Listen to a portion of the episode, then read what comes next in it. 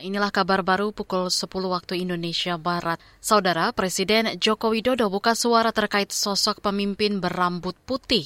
Pernyataan itu sebelumnya ia sampaikan saat pertemuan relawan Jokowi di Gelora Bung Karno akhir pekan lalu.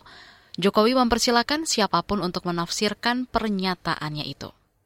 Tadi saya sudah sampaikan ke, sudah saya cek ya ke Pak Prabowo, apakah beliau memiliki kerutan di wajahnya ternyata punya kerutan wajahnya ada. Kemudian saya cek rambutnya ternyata juga ada putihnya di. Sebagian sudah ada putihnya. Artinya seperti yang saya sampaikan, Presiden Jokowi menyebut kinerja setiap orang pasti akan mempengaruhi penampilan fisik.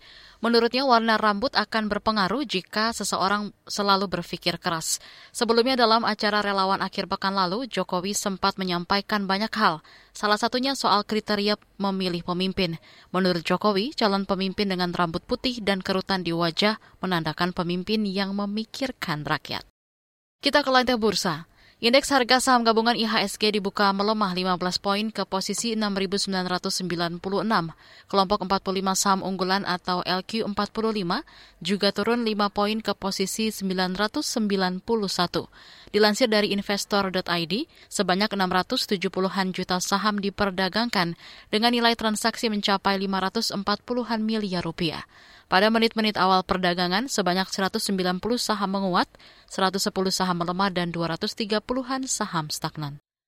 Kementerian Kesehatan Kemenkes memulai pemberian imunisasi polio serentak di Kabupaten Pidi Aceh Senin lalu. Imunisasi dilakukan selama dengan target 95 ribu lebih anak berusia 0 hingga 12 tahun.